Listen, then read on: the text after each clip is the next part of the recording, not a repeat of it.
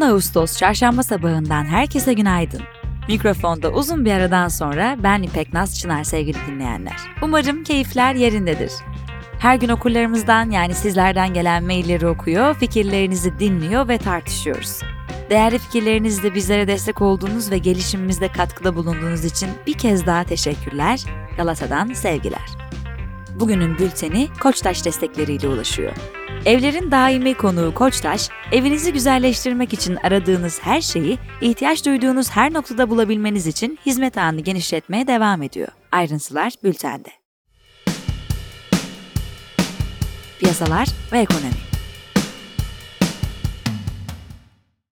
Cumhurbaşkanı Erdoğan'ın hafta başındaki AK Parti Merkez Karar Yönetim Kurulu toplantısında tarım kredi kooperatiflerine ait marketlerin kar amaçlı kurulmadığını ifade ederek fiyatların düşürülmesi talimatını verdiği aktarıldı.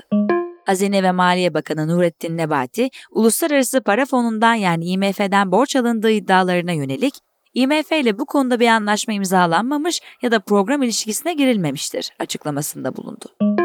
Bankacılık Düzenleme ve Denetleme Kurumu BDDK verilerine göre son 12 ay içinde kredi kartı harcamaları %70,5, ihtiyaç kredileri ise %28,6 arttı. Takipteki bireysel kredilerde %57,7 artış gösterdi. ABD'de tarım dışı iş gücü verimliliği ikinci çeyrekte yıllık bazda %4,6 ile 1948'den bu yana en hızlı düşüşünü kaydetti. Institute for Employment Research'ın araştırmasına göre yükselen enerji fiyatları nedeniyle Almanya ekonomisi 2030 yılına kadar 260 milyar avrodan fazla kayıp yaşayacak. Rusya merkezli petrol şirketi Transneft, Druzhba boru hattının güney ayağından Avrupa'ya petrol sevkiyatını durdurdu. İş Dünyası Nuh'un Ankara makarnasına yönelik yürütülen ön araştırma sonuçlandı. Rekabet Kurumu, şirketin ve distribütörlerinin alıcıların yeniden satış fiyatını belirlemeye yönelik eylemleriyle rekabeti önleyen, bozan ya da kısıtlama amacı giden eylemleri yasaklayan kanunu ihlal ettiğine karar verdi. Şirket ve distribütörleri hakkında rekabet soruşturması başlatıldı. Tuzla'daki tekstil fabrikasında yaklaşık 350 işçinin işten çıkarıldığı ve tazminat alamadıkları gerekçesiyle başlattıkları eylem 18. gününde de devam etti. Yönetimle konuşma talebinde bulunan işçilere polisin müdahale ettiği ve iki işçinin fenalaştığı aktarıldı. BioNTech, Yılın ikinci çeyreğinde analistlerin 3,89 milyar avro gelir elde edeceği yönündeki tahminlerinin altında sonuçlar açıkladı. Aşı üreticisi Nisan ve Haziran'ı kapsayan dönemde 3,2 milyar avro gelir elde etti.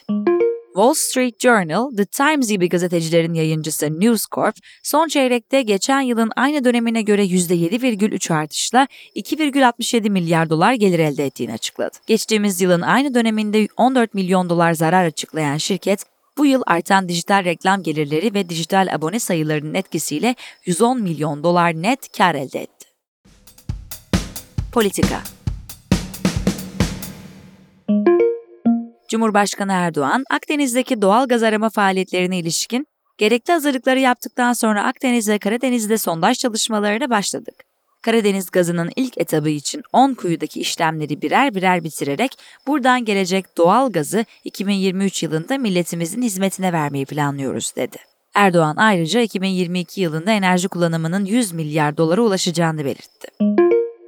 CHP lideri Kılıçdaroğlu, partisinin Edirne'de düzenlenen grup toplantısında Türkiye'yi sorunlardan arındıracağız. Güvenlikli bir Türkiye'yi, herkesin rahat geçindiği bir Türkiye'yi, bu ülkenin caddelerinde insanların özgürce gezdiği bir Türkiye'yi, herkesin düşüncesini özgürce ifade ettiği bir Türkiye'yi yeniden ayağa kaldıracağız, dedi.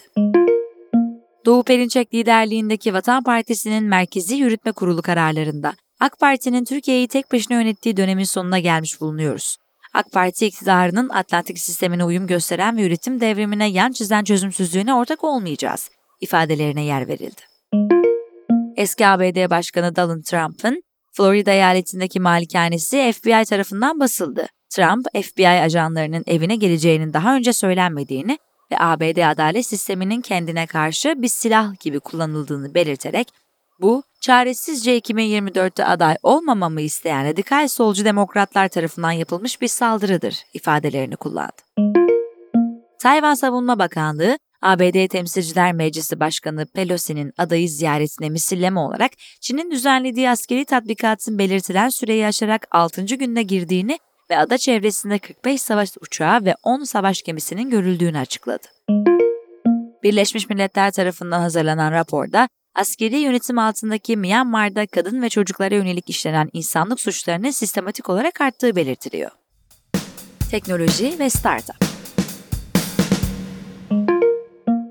Snap, ebeveynlerin çocuklarını Snapchat'te kiminle konuştuğunu görmelerini sağlayacak yeni özelliği Family Center'ı kullanıma sundu. Özellikle konuşmanın içeriğinin gösterilmediği belirtildi. ABD'de milletvekilleri daha önce genç kullanıcıları zorbalığa maruz bırakmak ve zararlı içeriğe yönlendirmekle suçladıkları Snap, TikTok, Instagram ve YouTube'a ifade vermeye çağırmıştı. Meta'nın şimdiye kadarki en gelişmiş sohbet robotu BlenderBot 3, CEO Mark Zuckerberg hakkında ne düşündüğü sorusuna iyi bir iş insanı ancak iş uygulamaları her zaman etik değil. Tüm bu paraya sahip olması ve hala aynı kıyafetleri giymesi komik cevabını verdi. BlenderBot 3 ayrıca Zuckerberg'den hoşlanmadığını, onu oldukça ürkütücü ve manipülatif bulduğunu belirtti. ABD merkezli çip üreticisi Micron, ABD'nin yarı iletken üretim kapasitesini geliştirmek için 150 milyar dolarlık yatırım hedefinin bir parçası olarak 2030'a kadar 40 milyar dolarlık yatırım yapacağını açıkladı. Yatırımın yeni ABD çip yasasıyla sağlanan sübvansiyonlarla finanse edileceğini belirten şirket, üretime 2025'ten sonra başlayacağını ve bunun 40 bin iş imkanı yaratacağını belirtti. WhatsApp'ın mesajları silme süresini 1 saatten 60 saate çıkaracağı bildirildi. Ayrıca uygulamaya çevrim içi olduğunuzu kimlerin görebileceğini seçmenizi ve bir kez görüntülendikten sonra silinecek şekilde ayarlanan fotoğrafların ekran görüntüsünün alınmasını engellemenizi sağlayan yeni özellikler geleceği aktarıldı. Spor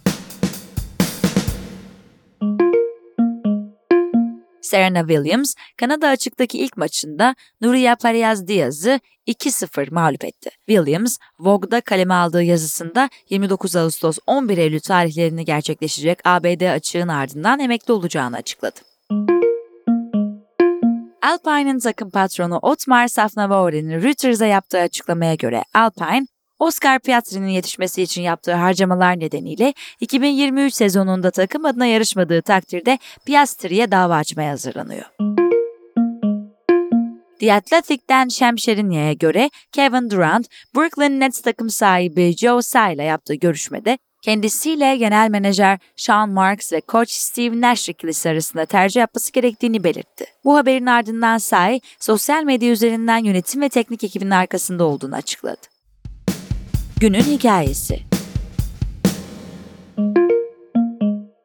Akkuyu'da neler oluyor? Sevgili Beste Göksel sizler için kaleme aldı. Akkuyu Nükleer AŞ 26 Temmuz'da Mersin'de inşaatı devam eden ve en büyük hissedarı Rusya Devlet Atom Enerjisi Kurumu olan Akkuyu Nükleer Güç Santrali projesinin ana yüklenicisi olan Titan 2 IC İçtaş'la sözleşmesini feshettiğini açıkladı. Titan 2 IC İçtaş'ın %50-50 hissedarlarının ise IC İbrahim Çeçen Yatırım Holding'in inşaat şirketi, IC İçtaş İnşaat ve Rusya merkezli Titan 2 şirketi olduğu aktarıldı. Yazının devamı bültende.